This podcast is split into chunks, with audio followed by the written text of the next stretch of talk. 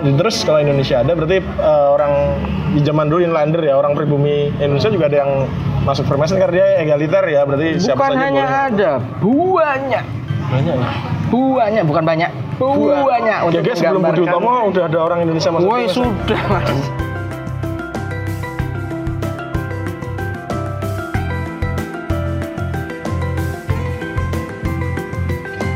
Assalamualaikum Kulonun bertemu kembali di Temu Konco Podcast obrolan saat bertemu kawan. Saat Iki akeh wonge akeh kancane dan eh, juga masih di studio di luar studio ya. Eh, Outdoor ya? Oh, outdoor, outdoor. Tumben outdoor.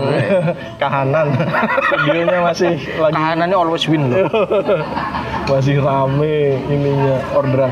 Jadi untuk itu eh, tamu podcast kita kali ini Tamu. Oh ya, teman, teman. Nah, katanya teman. Konco, konco, Iya. konco ngobrol di temu konco podcast kali ini eh, adalah kalau di Twitter ini Sam Ardi kalian kalian search aja Sam Ardi itu dan beberapa teman lagi bikin campaign pencalak, atau apa. Kayak wong wong kurang garap ya. Ngentasi pemean berguna kan wangi konoan. Jadi beliau itu ngakunya sebagai maklar, terutama maklar buku-buku mahal dan berharga gitu. Terus eh, kutu buku jelas adalah maklar buku ya. Eh, dia juga aktif di grup Telegram namanya eh, Sejarah Tele Sejarah ya kalau nggak salah. Ya betul, telegram sejarah. Beliau fasih berbahasa Arab, Ibrani, Judeo Arabik, dan Belanda. Jadi lima tahun lagi kalau dia nyalon presiden tolong dipilih. Ini orang yang bahasa Inggris ya. Wah, liane itu di- dia. Saya justru nggak bisa bahasa Inggris karena TOEFL saya justru di bawah rata-rata. Tenang nih. Waduh. Iki. Masih ada lima tahun buat belajar mas. Oke. Tenang. Nah dengan dengan eh, latar belakang kayak tadi, eh, kita perkenalkan tamu kita Sam Ardi. Halo. Halo. halo. Terus teman-teman bakal nanya ini bakal ngomongin apa sih? Kita bakal ngomongin tentang Freemason. Pesannya kayak menakutkan gitu. saya aja, saya aja pertama sampai sekarang ya nek ngerti Freemason mesti iki organisasi rahasia iki menakutkan yo Illuminati lah opo Peminum darah bayi gitu. darah bayi medeni medeni gitu nah terus Inilah, inilah saya kenalan sama Mas Samardi ini, itu beliau ternyata seorang peneliti yang yang sangat sangat apa ya intens mempelajari eh, organisasi rahasia. Oh, bisa bilang organisasi rahasia nggak sih itu? Eh, nggak bisa sih kalau saya bilang. Kalau rahasia itu kan kesannya nggak ada yang tahu ya. Eh, if I tell you I have to kill you kan dari Oh, gitu. gitu. Ya, ya. Ternyata kan nggak gitu juga. Ya, Saya gitu. sekarang kan lagi Ngobrol, ya. Iya. Kalau rahasia kan otomatis nggak bisa seperti Iya, itu. geng gue baru dipateni geng orang. orang. Jadi organ yang selama ini kita anggap itu organisasi Ya, rahasia. dianggap rahasia. Eh, eh, nama organisasinya adalah Freemason. Kalian sering tahu kan kadang-kadang di forum-forum sing racun sok diidentikan karo Illuminati lah, Dajjal lah, apa segala macam. Nah ini kebetulan kita punya teman yang ya intens mempelajari itu kita tanya yuk. Ya. Janjane Freemason apa ya mas? Oke, jadi nama organisasi resminya biasa disebut dengan Freemasonry. Freemason. Ray, ada Ray-nya. Oh, Ray. itu disambung. R Y. Oh, Freemasonry. Ya, ya, ya, ya, ya. Ya, jadi kalau Freemason itu orangnya, personnya. Tapi kalau wadahnya itu disebut dengan Freemasonry. Freemasonry. Secara lit, ya, artinya adalah tukang batu yang bebas. Oh. Secara literal seperti itu karena eh, organisasi ini dia memberikan pelajaran itu dengan simbol. Kayak orang Jawa dong berarti. Ya, mirip. Mirip ya, iya. Jadi ada Simbol-simbol, beberapa simbol, ada beberapa ungkapan, dan bahkan ada seremonial juga. Oh. Ya, seremonial. Mereka bekerja seperti itu.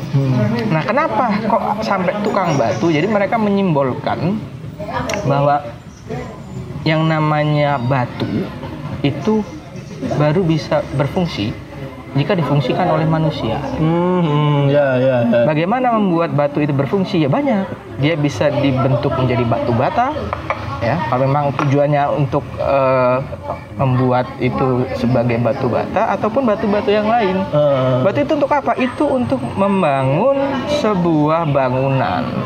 Ya. Bangunannya apa? Bangunan itu adalah humanity. Oh, Humanitas, dalam hal ini humanity. Oke, Ya. oke. Jadi mereka membangun. Kita tahu bahwa ketika membangun itu kan nggak langsung ujuk-ujuk kayak Roro Jonggrang merintah Bandung dua jadi. jebret. Oh iya iya iya. Kan itu aja masih kurang itu. satu ya. Iya iya. Iya itu jadi nggak bisa instan. Eh, Makanya ada yang disebut dengan batu kasar. Batu kasar ini adalah batu yang belum pernah di Poles, poles ataupun oh. dipoles atau bagaimana. Itu itu itu orang yang di luar ketika baru bergabung itu masih disimbolkan dengan batu kasar. Oh, Kenapa? gitu. Ya dia belum dia dia ber- baru bongkahan batu, belum bisa dibuat apa-apa. Makanya harus dipoles, harus dibaikuskan bentuknya dan Oh, sebagainya. gitu. Itu ya. Nah, lalu jadi kaitan dengan Illuminati. Ya, pada prinsipnya Iya. Freemason dengan Illuminati. Mas. Freemason dan Illuminati. Jadi Freemason pernah ada, Illuminati pernah ada juga, dan mereka pernah berkolaborasi. Cuman problemnya adalah Illuminati pernah menyusup ke Freemasonry. Itu ada, Menyusup, ya? itu ada kajian akademiknya Hmm. memang dalam sejarah bahwa pernah eh, kerja organisasi Freemason itu disusupi oleh Illuminati. Waktu Hmm. itu kita tahu eh, waktu itu nama lengkapnya Illuminati Bavaria, Bavarian Illuminati. Hmm. Ya, itu yang sebetulnya yang disebut Illuminati itu. Oh. Waktu itu, dari itu pernah pernah istilahnya nyabuk, nabuk nyilih tangan. Ah, Kenapa nyelih tangan? Ah. Tapi setelah itu setelah ketahuan selesai. Ya, jadi secara struktural memang tidak ada keterkaitan antara Freemasonry dengan Bavarian Illuminati. Sama sekali ya. Tidak ada. Bisa Memang ada. pernah dulu pernah ada, tapi sudah bubar. Oh. Adam Weishaupt itu dulu memang mendirikan itu. Oh. Jadi memang ada tokoh yang mendirikan ada. Ya ada. Mendirikan Illuminati. Illuminati ada Iya, ya. Ada. Memang itu organisasi mirip. Cara bekerjanya sama dengan Freemason. Di, ke arah dulu kan kita tahu bahwa abad-abad itu Hmm. ya di, di mana kebebasan berpendapat berekspresi itu bertentangan dengan otoritas Hmm. waktu itu. Abad berapa itu mas? It- it- kalau yang ada susup-susupan itu abad 16, 17, Oh. 18 ya. Itu memang ada seperti itu tapi setelah ketahuan selesai. Selesai. Terus abad yang bertentangan Nah, dengan kalau itu. yang sekarang itu Freemasonry saja. Freemasonry. Ah. Jadi memang kalau kita membaca beberapa buku konspirasi mengidentikan Freemasonry dengan Illuminati. Ya. Padahal itu adalah dua organisasi yang berbeda. Ya, sama kayak misalnya Freemasonry dan Theosophy itu juga dua organisasi yang berbeda. Kalau misalnya ada anggota Freemasonry di Theosophy, ya kebetulan ada. Oh. Begitu juga kalau ada yang Theosophy ternyata di Freemasonry itu juga kebetulan saja. Karena apa? Kedua organisasi ini terpisah. Oh. Tidak ada keterkaitan secara struktural antara Freemasonry dan Theosophy. Oh ya ya. Nah, ada satu skripsi sejarawan Indonesia yang membahas mengenai teosofi menyatakan bahwa teosofi itu membentuk Freemason. Oh, jelas itu salah. Salah total. Eh, Kenapa? Karena Freemasonry itu ada dulu. Freemasonry jangan dikira muncul tahun 1717 loh ya. Tahun 1717 itu adalah ketika beberapa loji di Inggris bersekutu membentuk United Grand Lodge of England. Hmm. United Grand Lodge of England ini yang lahir 1717. Oh, jadi sebelum itu sebenarnya Sudah ada, ada ya. sudah ada. Abad ke-13 dokumen itu ada, ya. Cuman itu ketika 1717 mereka menggabungkannya gimana kita membuat suatu persekutuan federasi nasional. Nah, itu sejarah berdiri. Jadi tidak tidak tidak bisa kita langsung menyimpulkan, harus kita lihat kronologisnya bagaimana. Jadi tahun sebelum abad 13 sudah ada. Sudah ada dokumen ya. Hmm, dokumen Dia sudah ada. berdiri eh, baru tujuannya ini buat humanity tinggi. iya, sporadis ya tidak Sporadis. mereka ya, di sini ada Freemasonry di sini ada di sini ada tapi tidak tidak tidak ada eh, ikatan seperti constitution yang dibuat oleh Anderson ya itu masih mereka masih masih Sendiri-sendiri. sendiri sendiri belum membentuk Itu pendiri-pendirinya punya kaitan dengan yang pendiri, misalnya di Inggris ada beberapa itu emang punya kaitannya atau apa ada bisa yang bikin mempunyai sendiri-sendiri? keri- keterikatan ada yang memang sudah lepas sama sekali Oh, gitu. karena jaraknya kan itu ratusan tahun Ah. ya. ada yang masih yang masih apa ibaratnya cucu cicit dari pendiri ataupun angkatan lama yang juga menggabungkan diri pada tahun 17 17. Oh, Jadi Freemason ini umurnya udah ratusan tahun. Ah, udah ratusan tahun. Iya.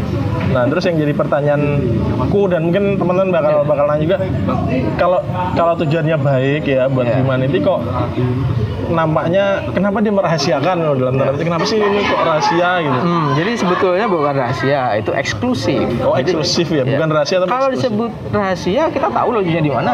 Oh gitu. Ya kan? Di Loji Indonesia itu anu ya, loji, Loji itu adalah ibaratnya tempat berkumpul. tempat berkumpul. Ya, kalau bahasa mereka- Indonesia loji L O J I, kalau yang eh, luar negeri L O D G E Ya, ada, kalau di Indonesia kan dari istilah Belanda loge, Hmm. ya. Itu ya artinya sebetulnya gedung. Hmm, gedung. Loge itu adalah gedung-gedung. Ketika diserap ke dalam bahasa Melayu jadi loji. Loji. Ya, biasa Indonesia. Indonesia gampang Kecap ya. jadi kecap. Iya, iya, Ya iya. kan? iya. Gampang ya. Iya. Yongens jadi congos. Ya. Betul, betul, betul, betul. Kemarin dibahas kan di grup masalah congos itu. ya, seperti itu. Ya, ya, itu kenapa ke humanity tujuannya kebaikan tapi kok rahasia ternyata eksklusif. Eh, kenapa, kenapa seperti itu? Ya pada prinsipnya kan yang namanya organisasi memiliki hal-hal yang bisa diutarakan ke publik, tapi ada juga rahasia dapur. Hmm. Ya. Di setiap organisasi pasti seperti itu. Hmm. Rapat anggota kan nggak semua orang sedunia harus tahu apa yang dibahas. Pertimbangan-pertimbangan apa itu sama seperti itu. Jadi pada prinsipnya bukan rahasia, tapi memang eksklusif. Ada yang memang untuk kalangan sendiri, ada yang untuk dibuka. Ya sekarang misalnya kita ke Coleman Street di Singapura, itu ada loji itu boleh orang masuk. Tour bahkan Bisa? Inggris itu tour boleh ya cuman ada jamnya nggak Oh. boleh kita datang datang oh, saya mau lihat loji ya nggak bisa semua datang Oh, iya, iya, iya, iya. iya. Eh, susah memang itu Oh gitu. Eh, tapi kenapa bisa ada ada anggapan kalau itu rahasia? Ah, gitu. Ya karena pada prinsipnya satu pertemuan mereka jarang, Oh. bukan dalam arti setiap hari rutinitasnya pertemuan dan diumumkan enggak. Oh. Jadi ada beberapa waktu yang memang mereka melakukan pertemuan, entah itu menyeleksi anggota, Hmm. entah itu pelantikan. Nah, kalau misalnya kayak pelantikan, inisiasi, ya, kan semua orang juga tidak perlu mengetahui, Hmm, ya kan? betul, betul, betul. Misalnya sampean ikut sebuah organisasi, habis diklat ada upacara penerimaan, Ah, ya kan? Kan ada kadang pemantapan dalam bentuk Oh, mentoring iya, dan iya. sebagainya yang memang itu untuk menguatkan karakter buildingnya dia ya kan jadi ketika diidentikan dengan rahasia sebetulnya eh, diksinya bukan rahasia itu Hmm, eksklusif Eksklusif ya. Ya. Diksinya eksklusif. Ya. Hmm. Bener-bener eksklusif dan berarti sebenarnya sebenarnya semua orang bisa bisa masuk. ya boleh bahkan penelitian pun boleh kalau Boleh ya? Mau? Ya. Karena di misalnya saya ambil contoh di Belanda ada yang namanya CMC ya. CMC itu sekarang eh, baru pindah gedungnya baru pindah. Itu adalah pusat data dan arsip Grand Orient Belanda. Isinya apa? Berkas Freemason baik yang ada di Belanda maupun di daerah koloninya dulu. Termasuk Oh, di Indonesia, Indonesia. itu dulu ketika Freemasonry masih beroperasi datanya ada di Belanda dan kita boleh mengakses. Sepanjang memang kita untuk kegiatan riset. Oh. Ya karena bukan masalah datanya rahasia itu arsipnya umurnya sudah ratusan tahun. Iya iya iya. Ya kan? benar. bukan termasuk arsip yang bisa diperbarui. Kalau itu selesai rusak ya sudah. selesai. Iya, iya, ya kan? Hal-hal yang seperti ini kan orang beranggapan wah kita nggak bisa ngasih datanya. Loh akses boleh Oh. tapi ajukan permintaan. Datanya untuk apa? Masa kita datang ke pusat data. Eh tolong bukakan itu data. Enggak. saya mau apa ya pokoknya mau lihat. Ya nggak bisa gitu dong ini itu data ratusan tahun umurnya. Gak rusak, hilang Iya. semua. hilang semua sobek misalnya gara-gara. "Ah, kok ini capasnya gini-gini gini wah susah. Oke, Ya, oke. jadi seperti itu. Oke, Eh, di segmen berikutnya kita bakal tanya tentang gimana sih sebenarnya jadi anggota Freemason kalau ini eh, tidak tidak rahasia tapi eksklusif gitu ya. Dan eh, siapa tahu ada teman yang mau ikut, siapa tahu dan nggak tahu ntar dilihat bisa apa enggak gitu. Setelah yang berikut ini.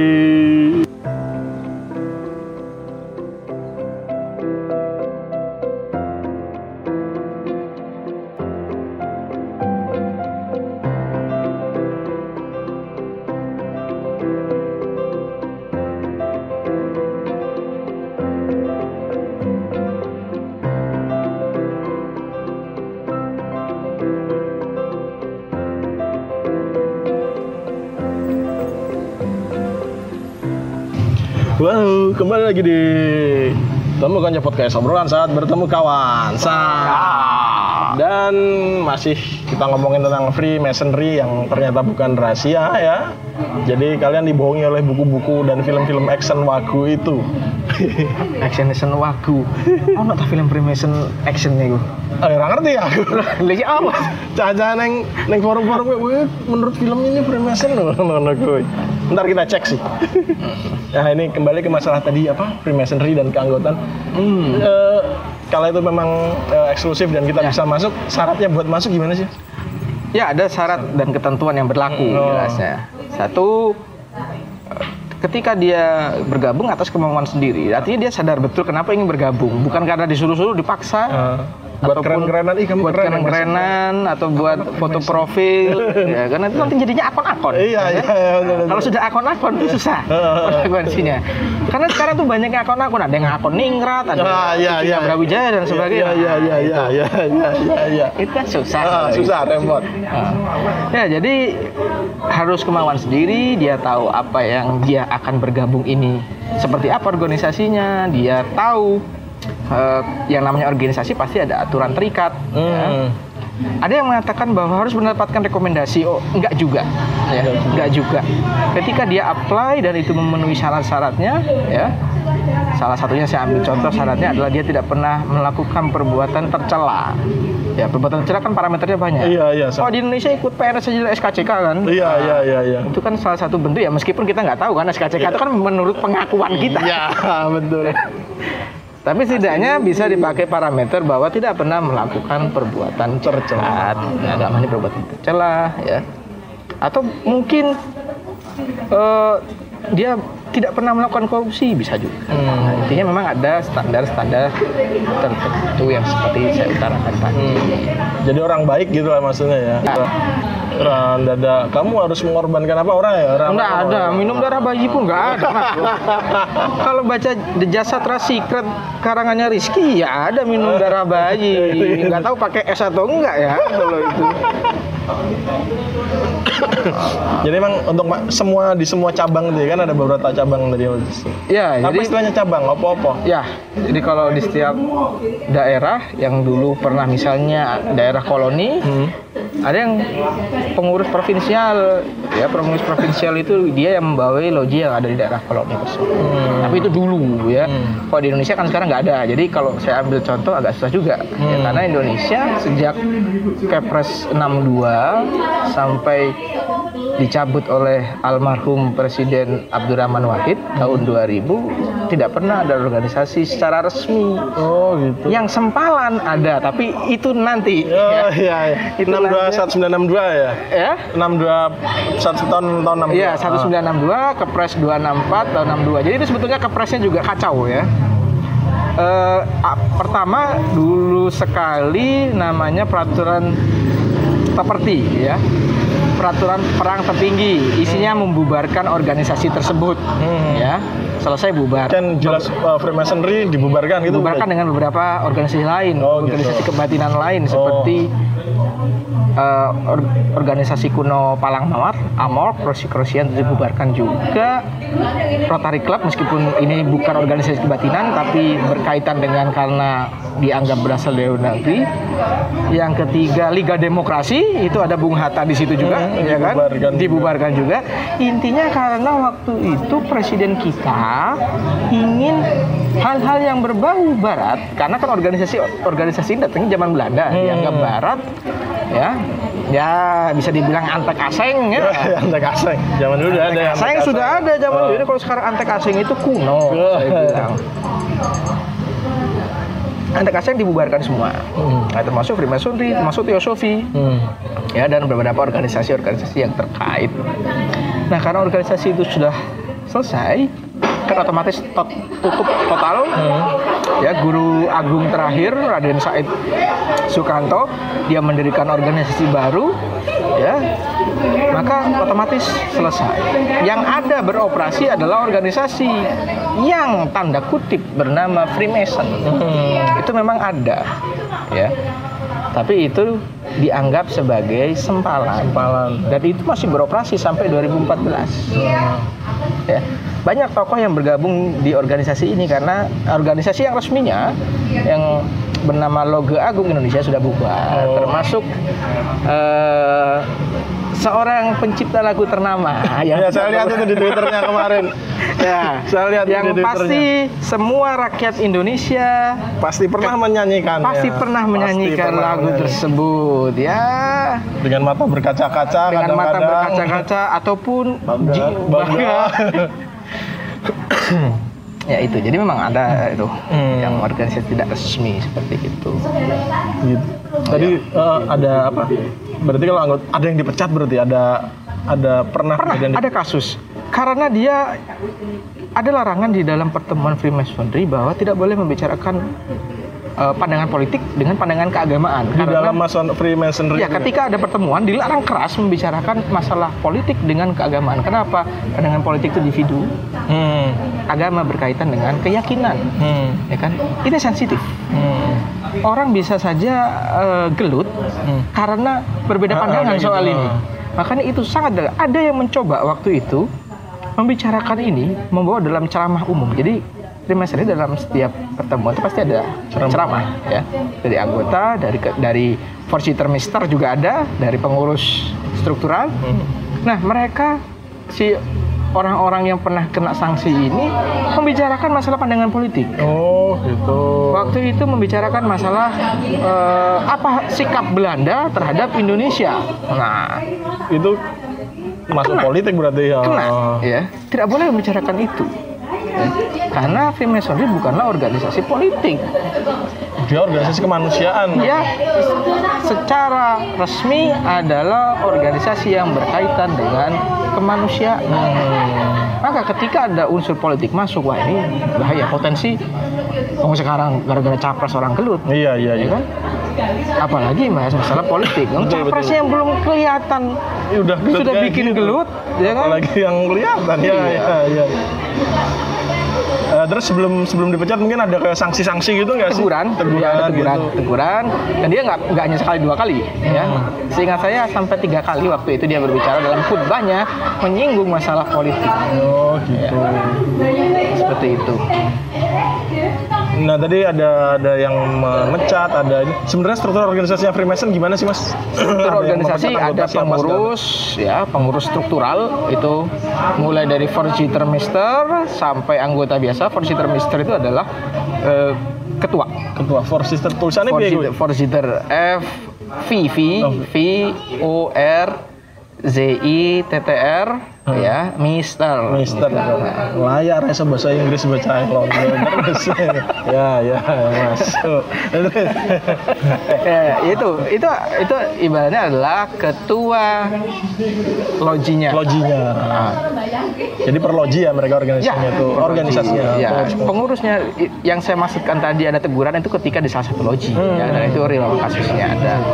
Nah, strukturalnya mereka ada rapat anggota, Hmm. ya rapat anggota tuh banyak, ada kenaikan anggota, inisiasi anggota, bahkan ada anggota yang pensiun, Oh, karena gitu. ya ada yang misalnya meninggal, Hmm. itu nanti ada prosesinya, penghormatan terakhir kepada saudara. Jadi Freemason itu memanggil sesama anggota dengan sebutan saudara.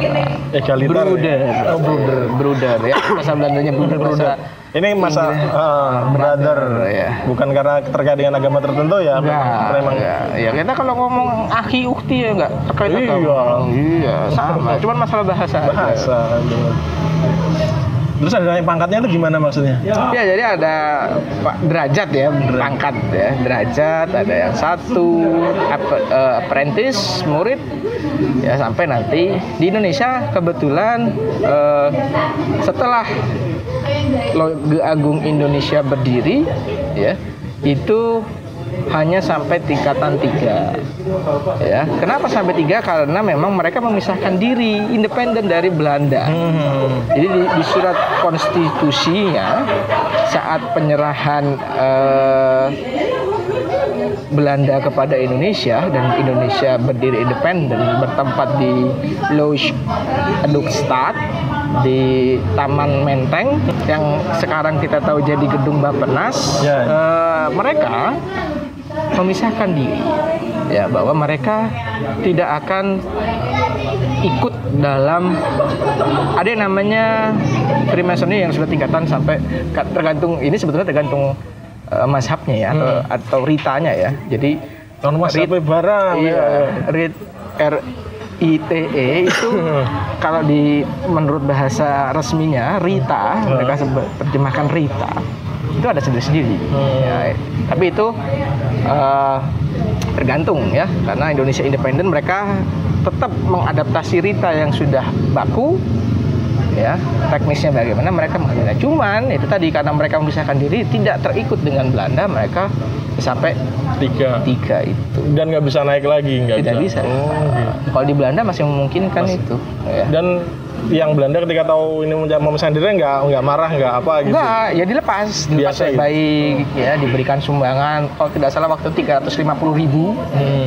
rupiah Rupiah, zaman dulu ya. tahun 1955. Oh, besar itu berarti. 350 ribu itu besar, um, gedungnya aja besar. Iya, Ya, iya. Itu gedung mahal prestisius waktu itu. Seperti itu. Jadi level 3 itu semakin tinggi level dia bisa apa sih? Aku logika aku ya diri. logika game gimana tuh level dua dia bisa ngomong ngono ae. Ya, yang pertama kalau dijadikan murid ya terutama masalah pengantar-pengantar Freemason di sejarahnya bagaimana, apa yang dilakukan, siapa saja tokohnya itu hal yang biasa. Hmm. Ya semakin eh, naik tingkatan tentu karena sifatnya adalah pengembangan diri ya, otomatis ya, materinya berbeda. Oh. Yang seperti itu. Iya, iya. Di situ eksklusifnya saudara-saudara. Ya. Apa yang diomongkan tingkatan atas tidak mungkin bisa langsung dicerna tingkat bawah. Makanya itu ada tidak boleh saling terobos ini ya. Jadi sekolah itu ya dari kelas 1, kelas 2 sampai kelas 6. Oh. Kelas 6 kalau soalnya diberikan kelas 1 pusing jadinya. Nah, seperti itu. Tapi walaupun levelnya berbeda tetap manggil Brother. brother tetap ya, ya. saudara. Bener-bener egaliter gitu.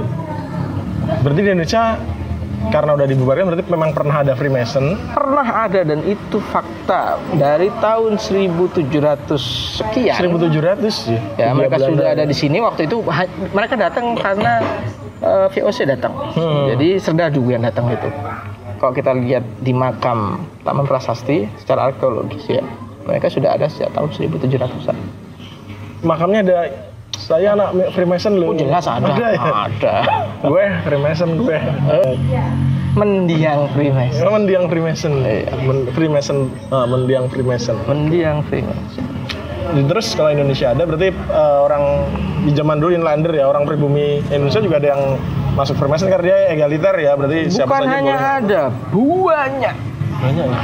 Banyak, bukan banyak. Banyak Ya guys sebelum Budi Utomo udah ada orang Indonesia masuk Woi sudah mas Sudah ada bahkan orang Indonesia lah yang meminta buku ritual Freemason diterjemahkan ke dalam bahasa Melayu. Oh, Melayu, waktu zaman dulu bahasa Ya, ke dalam bahasa Melayu supaya apa? Supaya ini saya kutip secara verbatim ya dari ucapan mereka agar terang masonik bisa diterima oleh masyarakat. Oh gitu. Iya, iya. Secara verbatim Eh, seperti itu. Mas. Berarti sebelum Budi Utomo udah ada Freemason. Sudah. Dan- Budi dan- itu kan hanya just a part of Hmm. something bigger ya. Jadi ya memang kebetulan yang ada di Budi Utomo pentolan Freemason. semua kebetulan begitu. Jadi leluhur-leluhur kemerdekaan wah ya. Aku Wah, ngasut ini nih. ini Wah, agak ngasut. agak berat ini Ngasut. ketika ngomong bahwa kemerdekaan itu bentukan Freemason jadi nggak enak saya ngomongnya kan. Orang bahkan kepikiran sebenarnya eh, solusinya bukan khilafah tapi Freemasonry. Waduh, berat lagi nih sampai. Kan egaliter. Saya sampai keselak gini minum ini. Jadi itu banyak ya. Jadi eh, orang-orang boleh disebut nama enggak sih? Nama anggota Ah. banyak. Kalau Saya sebut nama yang kita ketahui bersama, beliau adalah ketua Badan Perancang Undang-Undang Dasar kita, Ah. Sob- Dr. Rajiman ah. Widya Diningrat. Itu Freemason. Freemason iya, Teosofi iya, Oh iya tadi bisa double nggak apa-apa ya? nggak apa-apa, double nggak apa-apa. Raden Said Sukanto, ya. Raden Said Sukanto tuh ini organisasinya banyak ya. Beliau ini organisasi dari Raden Said Sukanto. Beliau itu grandmasternya organisasi kebatinan kuno Palang Mawar, Rosi Krusian, Amok, iya. Freimet Selare Freemason iya, Subut juga iya. Terus yang saya belum tahu datanya tentang Teosofia aja. Hmm. Ya. Beliau mendirikan organisasi Orhiba namanya. Orhiba. Hidup baru. Oh gitu. Jadi ini ada kejadian unik ya. Eh, dan ini direkam di biografinya Sukanto yang diterbitkan oleh Polri. Setelah Kepres 1962 keluar, Hmm. Sukanto menghadap kepada eh eh, sorry. Setelah Orde Baru, Orde Lama selesai, masuk Orde Baru, Sukanto menghad- menghadap Soeharto. Ini agak bingung saya, Soekarno Soeharto ini agak Ya bingung ya ya. begitu menghadap Soeharto, beliau minta kepresnya dibatalkan. Hmm.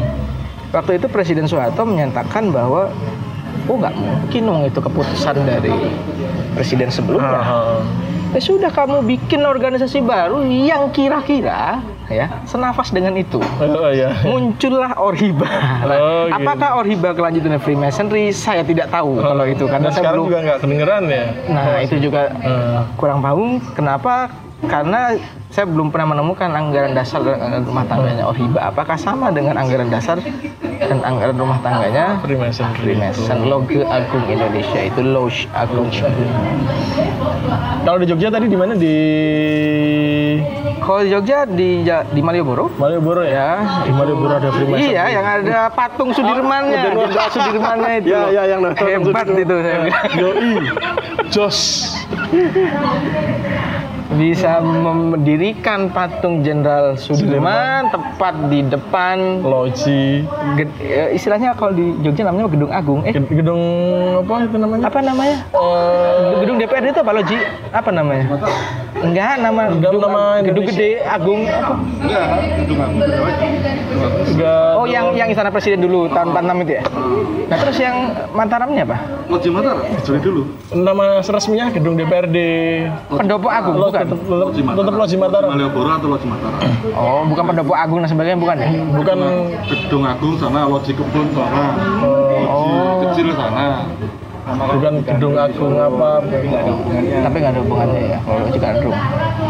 Bukan Kadipaten apa? Kantor gubernur bukan ya dia? Bukan Foxtrot yang jelas. Oh. Oke oke oke. Jadi Malioboro itu ya? Ya, yang itu. ada Itu juga bangunan kedua. bangunan kedua ya? Bangunan kedua karena mereka mendirikan pertama di Bintaran Kidul itu. Hmm.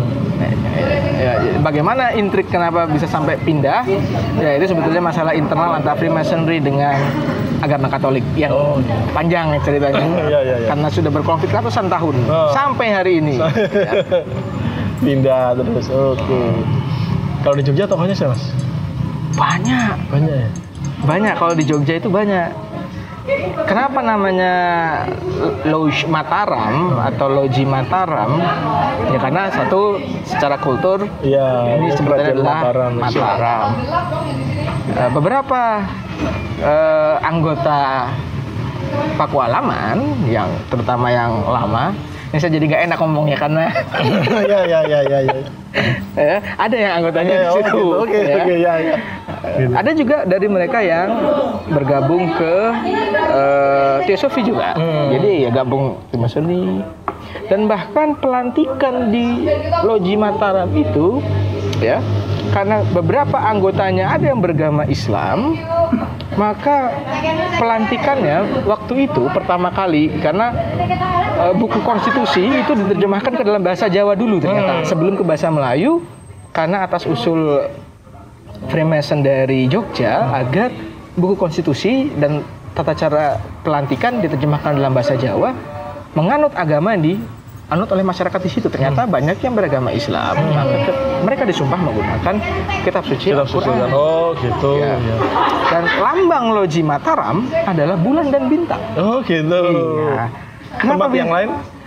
Jadi kalau masalah logo loji Hmm. ya itu tergantung Hmm. Saya ambil contoh di di Jogja di Mataram adalah bulan dan bintang. Hmm. Di Surabaya itu orang yang bersalaman. Kenapa? Lojinya namanya The Friends Hub. Oh. Artinya persahabatan, Oh. pertemanan. Ya otomatis orang yang bersalaman dianggapnya untuk Kalau yang Mataram kenapa bulan dan bintang? Nah, itu saya belum menemukan dasarnya. mengapa yang mereka pakai adalah bulan dan bintang justru. Oh, iya. Iya. Tapi kalau lambang Freemasonnya sendiri yang Oh, iya. ini kan jangkar, Jangkar dengan penggaris siku. eh, jangkar penggaris. Dan ada huruf G-nya kadang-kadang ya. Kadang-kadang aja sih itu bukan bukan itu kan menandakan bahwa Freemason bekerja juga nggak jauh-jauh dari eh, moral yang diikuti dengan ya di dalam agama kan ada tuntunan untuk berbuat baik Hmm. bahwa mereka juga nggak boleh keluar jalur Hmm. tetap juga berada di bawah naungan itu. Hmm, berarti gitu Tuhan maksudnya. Ja- nama lengkapnya Great Architect of the Universe. Oh, ya ya ya. Ya memang bahasanya bahasa pertukangan ya. Iya, Jadi sebetulnya iya, kita ini ngomongin mandor dan kuli ya. Iya, sebetulnya ini. Oh iya iya iya. Oh, makanya ada G-nya ada yang enggak. Ya. gitu. Menarik, menarik, menarik. Oke, eh, itu tadi. Oh ya, untuk teman-teman yang pengen tahu eh, siapa orang-orang di Yogyakarta yang pernah yang jadi anggota Freemason, kalian Wikipedia nanti nemu ada itu di bawah, serius. Tapi jangan bilang saya ngasih tahu. Oke, di segmen berikutnya kita eh, mengorek hal yang lebih Sensitif lagi. sensitif lagi Kerak-kerak nerak dikit ya. dan masih berkaitan dengan Freemasonry. Setelah yang satu ini.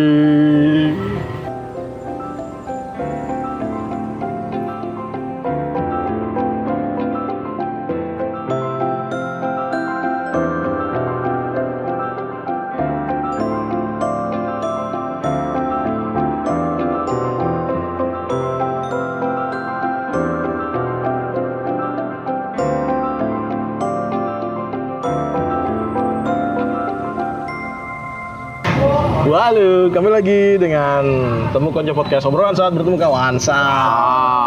Dan kita masih bicara tentang Freemasonry, sebuah organisasi eh, kemanusiaan Organisasi yang dikontroversikan oleh sebagian orang agar Dan- terlihat misterius. dan gak ada hubungannya sama Yahudi ya.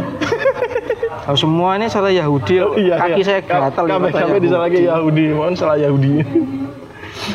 Oke, ini ini agak-agak personal. Ya, Kenapa tuh tertarik mempelajari Freemason, Mas? pertanyaannya bagus. Kenapa tertarik untuk Dosennya betul ya? Dosennya betul ya? Profesi asalnya, anu profesi asalnya keluar. Oke, oke. Apa ya gitu? Ya, pertanyaannya bagus. Kenapa tertarik? Yang pertama, kalau boleh jujur-jujuran, saya tertarik karena itu disebut organisasi rahasia. Oh, Saya ingin tahu seberapa rahasia sih, Oh, ya kan? Hmm. Seberapa rahasia, seberapa saya bisa mengorek data, oh, ya kan? Karena kan sesuatu yang rahasia itu kan menimbulkan pikiran. Bagaimana kita bisa mengakses data aja pingin penasaran. penasaran kuping kiri kuping kanan buka dokumen kiri dokumen kanan akhirnya setelah saya bisa dapat datanya ini tuh yang disebut rahasia itu kan Oh, jadi gitu. Cekete Karena bisa bisa diakses. ya ternyata ya ya nggak rahasia rahasia amat Wong saya fotokopi dokumen boleh Gak masalah ya. Nge-share-nge-share di Twitter juga kan. Iya. Ikutin Twitternya Mas Samardius. itu kalau lagi saya benar-benar nggak ada kerjaan Oh, gitu iya. ya kan kan saya nggak ada kerjaan tuh hari Senin sampai hari Jumat Wah, kabeh. Seminggu, meh seminggu. Oh, iya. Sabtu Minggu weekend. Sab- Sabtu Minggu saya harus tampak seperti orang kerja. Gitu. Iya, iya. Baca sibuk. Nah, biar orang-orang kan nggak mempertanyakan kerjaan saya ini apa sebetulnya. ya kan? Jadi emang gara-gara itu pas kapan Mas? Pas apa S1, S2, pas kapan? Ketika saya meriset Freemasonry pertama kali, ya, memang tidak bisa dipisahkan dari eh, tangkapan saya dari buku-buku. Justru buku yang saya baca pertama mengenai Freemasonry itu diterbitkan oleh LPPA Muhammadiyah. Malahan ya. Iya, judulnya adalah Free Masonry. Eh, Organisasi Rahasia Yahudi. Oh, Oke, gitu. iya. Oh, gitu. Itu buku yang saya baca pertama kali. Oh. Saya membaca dalam buku itu beberapa kali. Kok sepertinya organisasi ini unik. Ada ritualnya, Hmm. ada upacaranya, ya kan? minum darah bayi ada di situ. itu ada di novelnya Rizky Rindia Oh, iya, iya, iya. Kita nggak, kita jangan jangan meloncat Jangan, terlalu jangan, jauh. jangan, ya. enggak. Di situ nggak ada loh, di situ nggak di buku Iya, itu nggak ada, nggak ada. Oh, ya kan kasihan si Rizky nanti kan dikiranya buku dia nanti influence ke mana-mana Oh, iya. padahal ya enggak juga gitu loh ya. Nah, itu Nah, itu dari buku-buku seperti itu saya menjadi apakah benar memang eh, organisasi ini seperti ini, seperti yang digambarkan di dalam buku-buku itu Hmm. ya kan? Saya mencari tahu ya. Akhirnya saya tahun 2004 ya itu mendapatkan buku berjudul Tarekat Mason. Ya, itu buku pertama yang secara komprehensif terjemahan bahasa Indonesia. Waktu itu saya belum dapat edisi Belandanya. Buku yang komprehensif membahas mengenai sejarah Freemason di Hindia Timur, Hindia Belanda lalu jadi Indonesia. setelah dari situ kan di dalam buku ada catatan kaki, ada footnote. Saya mulai menelusuri itu satu-satu. Hmm. Yang kebetulan sampai hari ini saya bisa mendapatkannya. Hmm. Jadi saya tahu apakah pengutipan ini benar. Bahkan saya bisa membandingkan mana terjemahan bahasa Indonesia, mana buku aslinya yang ternyata di dalam edisi Indonesia tidak ada diterjemahkan juga. Oh iya iya. Ya, dari situ saya mulai mencari, saya mewawancarai orang-orang pernah berkaitan dengan Freemasonry. Eh, ternyata sudah pada tidak ada. Tapi dari beberapa kesaksian istri maupun anak, Hmm. mereka menyatakan, ya eh, ayah kami dulu pernah bergabung dengan organisasi rahasia yang pusatnya ada di Taman Menteng. Oh. Dan anak, Oh, ya bahkan anak-anak sudah. anak-anak pun bilang itu organisasi rahasia yang Oh, kalau organisasi rahasia enggak, cuman pernah bergabung dengan perkumpulan Oh. yang kantornya ada di Taman Menteng. Oh, iya. Ya, perkumpulan di Taman Menteng hanya ada dua. Rossi Kursian dengan Freemason. Ya. Melihat track recordnya, oh ya sudah, Oh. ya, ya sudah benar, ya, gitu. Terkonfirmasi seperti itu. Saya tidak mengatakan Freemason, apakah bapak anda bergabung Freemason enggak. Hmm. Cuma mereka menyatakan bahwa bapak saya dulu pernah bergabung dengan perkumpulan yang kantornya sekarang ada di Taman Menteng. Oh ya sudah, Oh iya iya iya iya itu. ya wes tau kan dari terverifikasi. Terverifikasi, terverifikasi benar benar. Itu pas apa? S1, S2, S3. Itu S1. Dosennya biar Mas? Kalau Gue dosen ya, itu gue kan, orang. kan itu di luar di luar di Eh, luar akademis ya? Aman di ya luar, berarti ah, di ya? luar eh, apa ranah akademis ya, karena itu kan tidak sinkron dengan eh, background hukum saya Iya, iya, iya. kecuali memang masalah kepres kalau kepres iya iya. Jadi emang bener-bener mandiri ya belajar. Ya, mandiri. Sampai Mandiri. akhirnya saya menelusuri data, ya kan, mendapatkan salinan, ya ya ternyata ya nggak rahasia-rahasia, apa namanya rahasia saya bisa nembus datanya kayak gini itu kan Hmm. aneh. Tapi kan situ hacker Mas. Orang ya?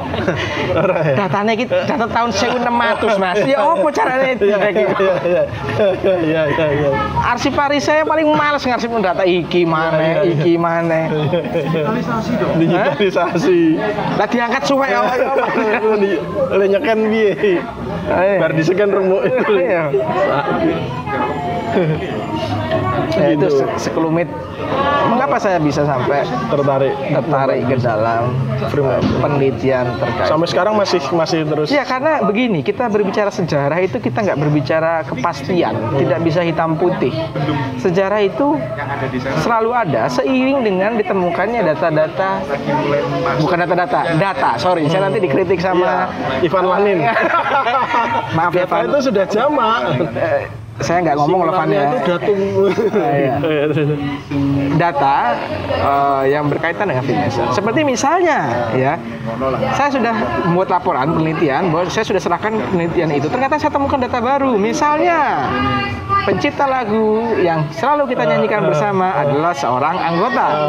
Itu data baru. Di laporan saya yang lama itu nggak ada. Oh. Artinya apa? Seiring dengan ditemukan data baru, maka kajian bisa Bang terus verifikasi terus. Bang terus verifikasi dan Oh, iya. Sampai sekarang. sampai sekarang.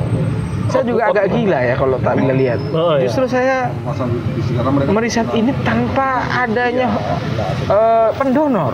Oh, Jadi, lah kalau kita lihat bahannya itu bahan yang iya, yang, harganya nggak tidak murah. Iya, untuk dapat murah. salinannya saja memerlukan biaya. Hmm. Tapi ya karena masalah passion ya Passion penelitian ya. itu I- jadi passion. ya, jadi ya apa ya nggak ada yang rugi gitu loh. Nggak jadi buku atau apa gitu mas? Saya sedang negosiasi. Apakah laporan saya bisa dijadikan bukti? Ya, ya kalau nggak bisa 100%, 75% lah. Supaya saya bisa olah lagi dengan data terbaru yang saya Dapatkan. Jadi eh, teman-teman nanti semoga ini deal terus segera dapat bukunya dan kita bisa punya buku Freemasonry for Dummies ya, versi Indonesia. Freemason for For Dummies. Ini kan gue orang anyaran pertama kali. Ah. Terus selama menelitinya Pak, ada pengalaman apa unik, menarik, mau digeruduk uang, mau dicegat Oh, di jalan, enggak. dapat SMS gelap, mau apa? Enggak lah, saya kan penelitian, bukan korlap demo. Masa- Siapa tahu?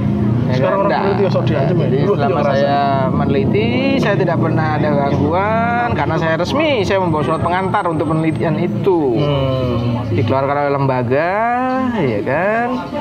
Jangan tanya lembaga mana Iya, iya, iya. ya. Ya, semakanya saya nggak tanya tuh.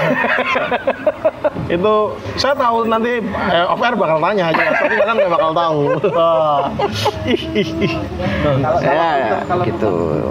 Jadi memang aman-aman saja, tidak pernah dapat ancaman, tidak dapat diskriminasi, enggak karena apa yang saya lakukan saya tidak mempunyai tujuan jelek. Iya, betul. ya kan? Apa yang saya temukan ya apa adanya yang saya sampaikan. Kalau misalnya nanti ada yang membantah saya ya tolong bantah dengan data yang baru. Ya? Adu data yang saya punya dengan data yang kamu punya. Mungkin saja data itu tidak ada di saya tapi kamu punya yang baru. Karena kamu mungkin misalnya cicitnya eh, guru agung? Los Agung Indonesia ini bisa saja itu ya kan artinya saya tidak tidak tertutup kritik ya tapi jangan suruh saya baca buku konspirasi ya, Hmm, itu betul. saya tekankan dari sekarang. Iya, Nanti saya disuruh baca bukunya dan Brown. Dan Brown itu sudah menyatakan itu non fiksi, novel fiksi. ya kan? Sudah menyatakan itu no no no no that's fiction. Oh, dia Ya kan? fiksi gitu. Kalau yang menarik mas, apa yang menarik, apa memorable lah, berkesan lah. Oh ya, salah satu yang memorable bagi saya ketika meneliti Freemasonry adalah membaca surat konstitusi pengangkatan anggota. Ya. Jadi setiap anggota itu kan akan dibuatkan seperti piagam bahwa pada hari ini, tanggal ini, bulan ini, tahun ini, saudara ini sudah dilantik. Nah, Iya, itu iya, iya, saya membaca. Oh ya benar berarti dokumen yang saya pegang ini that's real.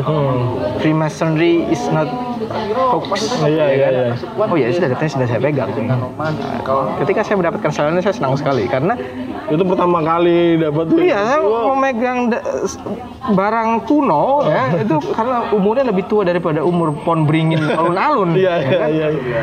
Karena itu tua, itu arsip yang tidak akan terbaharui. Oh, iya, iya. ya kan? Maka ketika saya pegang mau, ya kan? Ini otentik, ya kan? Tidak perlu verifikasi lagi karena sudah memang ya memang apa adanya seperti itu. Di nggak di Indonesia kan itu ya? Di, Ya, di ya, Nah, karena Ya, Ya, penasaran gitu. lagi yang dengerin ini. terus terus terus. ya dan saya sempat eh, beberapa nama ya nama orang-orang Belanda itu ada terekam dengan baik Indonesia ada ya. bahkan notulen sirapat pun ada. Bahkan notulen sirapat. ya itu kalau kita teliti itu boleh sama mereka nggak apa-apa. Masalahnya kan kita sudah kadung terpatri bahwa itu adalah sesuatu yang rahasia ya semua orang tidak boleh tahu lah. Dan sekarang saya kembalikan saja kalau mau meneliti ya yang meneliti yang benar ya kan? Meneliti yang benar gimana? Kalau kamu dari lembaga lembaga mana tujuannya apa ya kan? Jangan sampai nanti begitu ngakses data disobek-sobek. Lah kita kan nggak tahu juga Ya, niat ya, orang ya. bagaimana. Tunjukkan itikat baik mereka akan kasih. Kok ya kan? Jadi itu saja sih mas Terus tadi aku agak penasaran guru agung itu gimana sih? Dia dia level tertinggi misalnya di Indonesia ada guru agung. So, itu level tertinggi level Ya, tiga nah, itu kita tuh.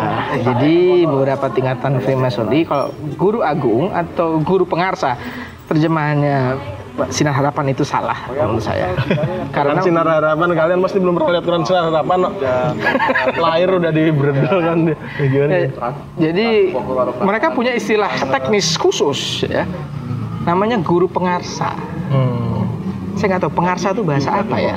Bahasa Jawa apa ya? Enggak tahu pengarso. Mas pengarso itu apa? pengarso ke depan ya guru depan ya pengarso ya. Apa pengarso itu bahasa depan pemimpin pengarso Oh, oh yang benar benar. Oh iya, Iya, ya kan? dapat data baru Entah benar. ya.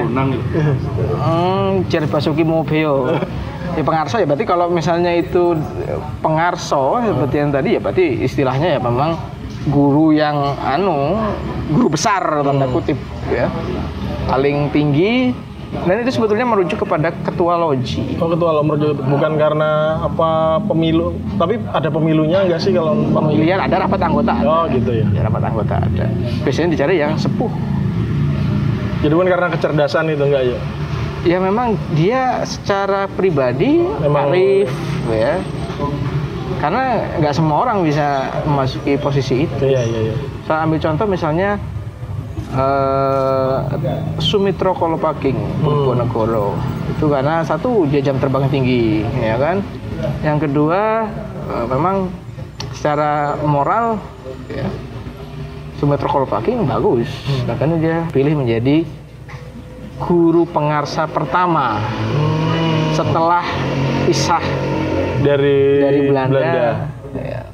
Nah itu foto-fotonya tidak ada di Google. Iya. Dan saya ketika melihat foto itu di buku Tarekat Mason itu nggak ada. Nggak ya. ada. Jadi yang ada di data Belanda itu fotonya sebagian memang ada di buku Tarekat Mason. Cuman ketika prosesi itu tidak ada. Wah itu seru itu melihat prosesinya itu. Oh gitu ya. Bagaimana posisi tangan. Tapi tidak tidak ada yang hubungan sama darah pembunuhan, enggak sama sekali enggak ada. ya? Saya tuh justru mencari ada nggak foto mereka minum darah bayi pakai es itu. Saya nyari tapi nggak ketemu ketemu gitu masalahnya. Tapi sebenarnya enggak ada ya di buku Enggak ada. darah bayi. itu kan ikonik sekali di Iya, Jasa betul. Secret itu Betul, ya kan sampai terpatri bahwa organisasi peminum darah bayi, Bayi. Iya. Itu saat dunia ya? Hah? Bahwa cuma di Indonesia aja yang organisasi. tahu saya juga nggak tahu minum darah ada, bayi ada isu-isu rumor bayi kayak tuna atau bayi Wah. apa ya nggak tahu ya. bayi tuna. Oke, eh, melihat yo setelah setelah melihat penjelasan ini kan berarti oke yang jelas Freemason adalah Freemasonry adalah organisasi yang baik gitu ya. Dia peduli sama kemanusiaan dan segala macam, tapi di Indonesia udah di dihapus gitu. Kira-kira nih nah, kita dihapus masih akan di- dibubarkan Masih dibubarkan, dia sorry. tertutup oleh zaman Oh, ya tapi udah dicabut sama Gus Dur kan dia. itu. ya tahun 2000 Kepres 69 tahun Sehingga ada peluang bikin Freemasonry lagi dong di Indonesia. oh iya jelas Memungkinkan nggak? Kalau melihat kulturnya belum Oh, kultur gitu. kultur masyarakat Masih pada susah. percaya minum darah bayi itu tadi masalahnya. Jadi angel ya. Kalau secara kultur, saya rasa akan susah mereka mendirikan loji baru Gitu di ya. Indonesia. Karena ya kita tahu gedung setan itu terpatri betul. Iya iya iya betul betul. betul. Jadi dikira organisasi penye- peminum darah darah bayi. Sampai namanya gedung setan loji setan itu ya kira-kira. Itu memang di semua loji Freemason disebut gedung setan. Oh gitu. Ya. Yang Di bikin semua kira-kira? bekas loji Freemason yang saya tahu dari Aceh, terus di Medan, terus di Palembang, Jawa Rata saya sudah tahu. Yang ada di Sulawesi juga menyatakan bahwa itu gedong setan. Kok bisa kayak gitu gimana sih? Ya, ini pertanyaan Anda. Kenapa disebut gedung setan? Itu sudah ditanyakan Soekarno tahun 50. Oh gitu. Oh iya iya iya iya iya. Ditanyakan lagi sekarang. Dan belum ada jawabannya juga. ketika jadi kalau baca nutulensi tahun 50 ya waktu itu Soekarno memanggil perwakilan eh, provinsial untuk datang ke Istana Negara ditanya "Eh, kenapa gedung kamu masyarakat memanggilnya adalah gedung setan. Ya. Lalu dijawab oleh para anggota ya. Itu adalah salah ucap Hmm. dari masyarakat Indonesia untuk menyebut patron mereka yang bernama Saint Jan. Bahasa Belanda, kalau bahasa Inggrisnya Saint John. Oh. Sehingga dari Saint Jan kepleset menjadi setan. Kalau kecap jadi kecap kuwi mau. Ya, seperti itu. Oh. itu dari bahasa Indonesia dari bahasa Jawa ya khususnya yang lojinya ada di Jawa ya. ya sebetulnya kita kan hidup di Pulau Jawa ya saya juga Iya. kadang bingung tinggal di bagian barat Pulau Jawa tapi ketika menyebut Jawa Tengah Jawa Timur mau ke mana? Pulang ke Jawa. Saya nggak tahu apakah sudah pisah karena Iya. gempa atau gimana Iya, iya, ya. iya. Itu anak Jakarta tuh. Resek. Pelajaran geografinya berapa nilainya? Ya kita tinggal di Pulau Jawa, masih Pulau Jawa. Kecuali mereka sudah menyatakan diri lepas dari eh, tanah Jawa, ya. Jadi di, di Freemason yang ada di daerah Jawa Tengah sama Jawa Timur menyebutnya gedung Freemason, ya itu adalah Omah Pewangsitan, ya, ya. House of Revelation. Oh, ya kan? iya, iya, iya. Kenapa? Biasa di situ kan ada memang ada ada chamber khusus orang untuk untuk istilahnya menenangkan diri. Ya boleh memang. Ya kayak kamar gitu, kamar istirahat. Ya untuk menenangkan diri. Pemangsitan itu ketika ditangkap oleh masyarakat, sitan menjadi setan. Oh, ya, ya, ya. Di Semarang orang lebih tahu gedung setan daripada kantor kejaksaan. Hmm. Karena memang dulu loji di Semarang setelah Indonesia merdeka loji Dharma ya. Oh, sorry, Bakti, Bakti. Dharma itu lain lagi. Itu dijadikan tempat kejaksaan lalu diambrukkan Hmm. ya. Orang lebih tahu itu adalah gedung setan Hmm. daripada eh, loji Bakti tersebut. Tuh, kenapa disebut Mas? Jadi pertanyaannya sudah ditanyakan oleh Soekarno tahun 50. Ditanyakan Tanyakan lagi, lagi. sih. Saya Nion Soekarno belum di podcast ya. Sekarang belum di podcast. Iya, iya, iya. Tadi yang paling menarik tadi pengalamannya itu, terus kenapa jadi logi di Indonesia logi udah dihancurin semua nggak sih? Atau Enggak, ada yang masih awet? ada yang dikuasai PT KAI, Hmm. ada yang dikuasai separuh sama BPN, ada yang dikuasai Pemkot Jogja, ada ya. ada yang jadi masjid, ada yang rata sama sekali, tergantung di mana daerahnya. Ada yang jadi supermarket. Ada yang jadi seperti Ada yang nyaris jadi kafe juga. Oh iya. iya. Padahal itu bangunan bersejarah sebenarnya kalau dilihat dari sisi Iya, ya? tapi kan bagaimana imbang. Iya. Disebut bangun sejarah tapi kalau punya nilai ekonomis gimana? Jadi mungkin ya kita buka. Mana ada loji yang bekas Mason ada AC-nya sekarang. Iya iya iya iya iya. iya. Beli AC aja nggak kuat Iya iya iya. Oke, tapi kalau sekarang Freemasonry masih di luar Indonesia masih Ya, jurisdiksinya di luar Indonesia. Masih oke. Tidak ya? ada Freemason secara struktural di Indonesia. Ada. Gedungnya nggak ada. Hmm. ya. Kita gampang kalau mau ngecek ada Freemason atau nggak dalam bentuk badan hukum, cek aja di uh, sistemnya Kementerian Hukum dan HAM. Gitu ya. Ke mana memang ada yang mendaftar, Oh ada. ada yang mendaftar yang saya sebut Freemason Sempala Iya. itu mendaftarkan diri di Kemenkumham. Sudah terbit surat. Dan di- udah jadi Tapi organ. itu bahasan yang lain. Oh iya iya iya. Ya banyak bahasa yang lain kan ini jadi penasaran ya. Eh, ini eh, pesan-pesan deh ke siapa pun yang dengar podcast ini kalau pengen mempelajari Freemason harus Ya. dari mana dia belajarnya? Apa buka situs apa selain Wikipedia lo ya? Ya kalau mau Baca belajar buku Freemason, apa atau saya sarankan membaca buku Tarekat Mason Bebas. Ya, itu itu buku standar, Buku ya, standar. sangat pengantar. Dan mudah didapatkan. Nah, Begini itu, prinsipnya, ini mudah didapatkan ini kita harus menafsirkannya bagaimana. Buku itu kan diterbitkan terbatas, bukan rahasia karena memang penerbitannya biaya sendiri. Sama Kayak dokter. Jawa Cana itu ada tablet keren Jogja Jawa Cana terbatas. Oke, itu terus nanti Oh, edisi bulan ada ini ya itu. ada tit di Oh, situ. iya, iya, iya. Saya bocorkan Oke, titnya aja, ya. apa-apa, teaser apa-apa. trailer aja ya. Iya. Ada bahasa tit di situ iya, nanti. iya, iya. ya. Penulisnya sudah penulis ternama, ya. tokoh internet Indonesia asal Jogja. Nah, itu ada bahasanya itu. Jadi itu buku diterbitkan bi atas biaya sendiri sebanyak 4.000 eksemplar saja. Separuhnya dijual di Indonesia, separuhnya dibawa ke Belanda. Untuk apa? Dikasihkan kepada para mantan anggota. Oh, gitu. Jadi memang itu buku penerbitan pribadi, makanya hanya 4.000. Nah, 4.000 itu kan langka kalau Iya, hanya 2.000 yang disebar. Itu pernah diadakan bedah buku di Jakarta dan waktu itu Dr. Theo Stephen membagikan kepada eh, hadirin yang hadir waktu itu satu-satu buku itu. Ya, bukunya memang langka, tapi masih bisa didapatkan dengan harga cukup Oh. tinggi. Dan, Saya waktu eh, itu maklarnya keluar, Bang. Ini maklarnya.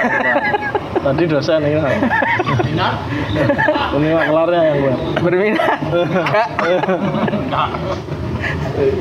ya ini agak saya dulu saya punya dulu itu waktu habis launching itu sekitar 10 buku satu saya berikan kepada member grup sejarah karena waktu itu dia anggota ke 666 ya Gitu.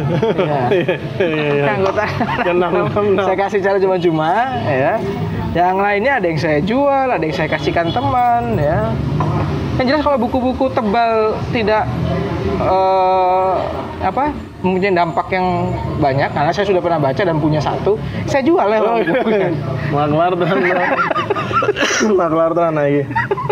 Ya, ya, ya. maka kerusuhan Jadi tarekat prima. Mas, tarekat mason bebas Ma- ya itu itu terjemahannya eh, Freemason. Sinar harapan seperti itu. Oh, Tapi di Indonesia sebetulnya punya istilah khusus. Namanya kemasonan. Oh, kemasonan bahasa Indonesia. Ini tarekat. ini jelas tarekat. anu apa kultur Jawa masuk Hmm. ya. Kemasonan itu istilah Jawa itu. Mau di sini pakualaman ada ada akhiran an an an ya kan ini, ini kalau saya lihat nggak tahu ya benar atau enggaknya ya tapi ini dugaan saya sebagai orang yang nggak bisa bahasa Jawa ya orang yang hilang Jawanya sudah di era tahun 2018 ini. Ya dugaan saya itu adalah tercampur kultur Jawa. Kemasonan. ya, ada annya saya nggak tahu apa betul Mas? Jadi belajar dari situ ya. ya. Sas- ini lain misalnya itu susah susah nemunya atau kalau nemu harganya mahal sama maklarnya dimahalin harganya ya kan dia ikut tarekatnya anu teman saya Oh, gitu. sekte PDF oh gitu sekte PDF cari PDF-nya Cara PDF-nya atau kalau ada buku asli harga 80.000 repronya 230.000 beli repronya. pinter ya dia cari duit ya ya Orang kaya bebas, Mas. Buku duit. asli 80.000 yang repro 230 dibeli yang repronya kok. Iya, iya, Iya, gimana? Iya, iya, iya. Gitu. Itu bener-bener dasar-dasarnya ya yang Ya, jadi pengantar se- karena itu bukunya kan pengantar, isinya sejarah, sedikit konstitusinya apa. ya free, ya kayak tadi ya Freemasonry for Dummies lah itu. Ya. Udah. Oke, oke. Terus ada apa tambahan atau pesan-pesan Ya, kalau mau membaca tentang Freemason ya, kita lihat harus tahu siapa yang menulis, Hmm. bukunya itu berisi apa.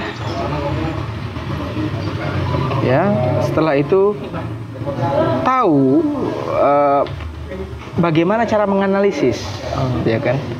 Karena kan nggak semua yang kita baca itu benar, Iya. ya kan? Nggak yang semua kita baca itu salah juga, ya. Asalkan apa rujukannya jelas, Oh. gitu loh. Takutnya kita nggak bisa membayangkan mana buku catatan harian dengan buku beneran, ya kan? Buku yang curhat sama isinya yang ya, Iya, iya, iya. kalau buku isinya curhat kan ya kan apalagi curhat zaman sekarang itu suka diumbar di timeline lah Jangan-jangan nanti tweet itu dijadikan buku kan susah juga. Sudah, Oh, sorry, sorry, sudah. sorry, saya, saya nyinggung orang jadinya. Sudah, Ya. itu udah jadi buku sekarang sudah.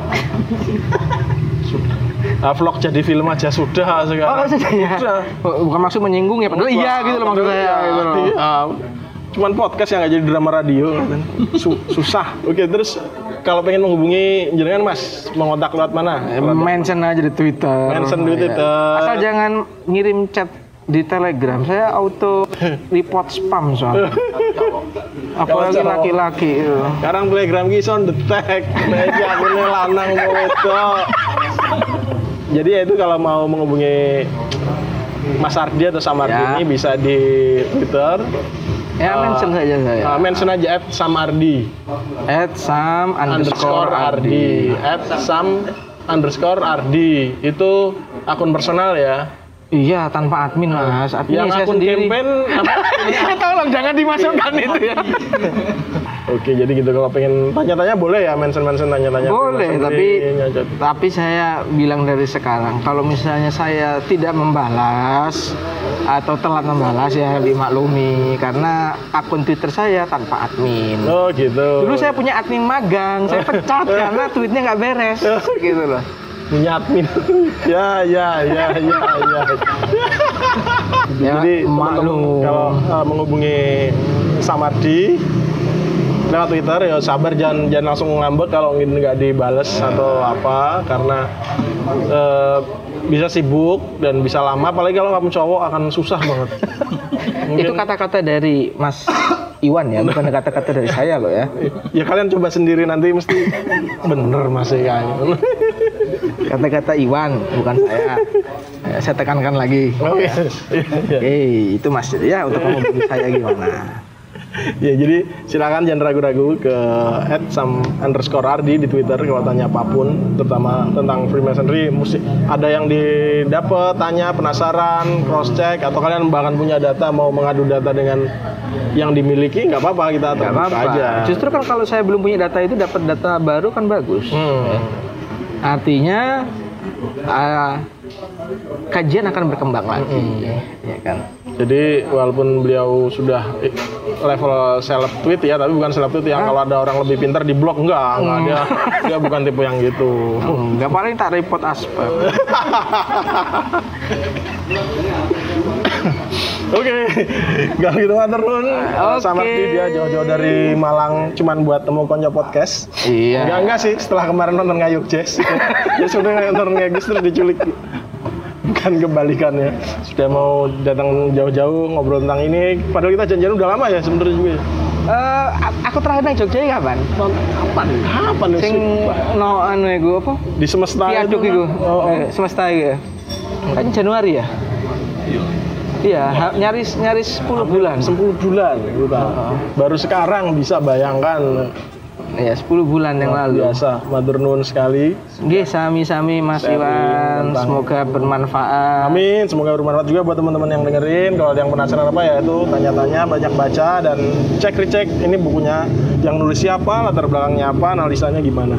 Jangan langsung asal diterima Amini. dan mengamini. Karena itu bukan doa, jadi amini terus. Ya, ya, ya. Oke. Oh ya, jangan lupa bulan November dan bulan Desember ini tablet Jawa Cana, tablet berbahasa Jawa gaul terbit eh, secara beruntun. Jadi yang November tentang eh, Hari Pahlawan ya temanya gitu. Sedangkan yang Desember tentang liburan di Jogja. Sampai di sini tuh menjemput guys obrolan saat bertemu kawan. Ya. Saat. Assalamualaikum. Bareng.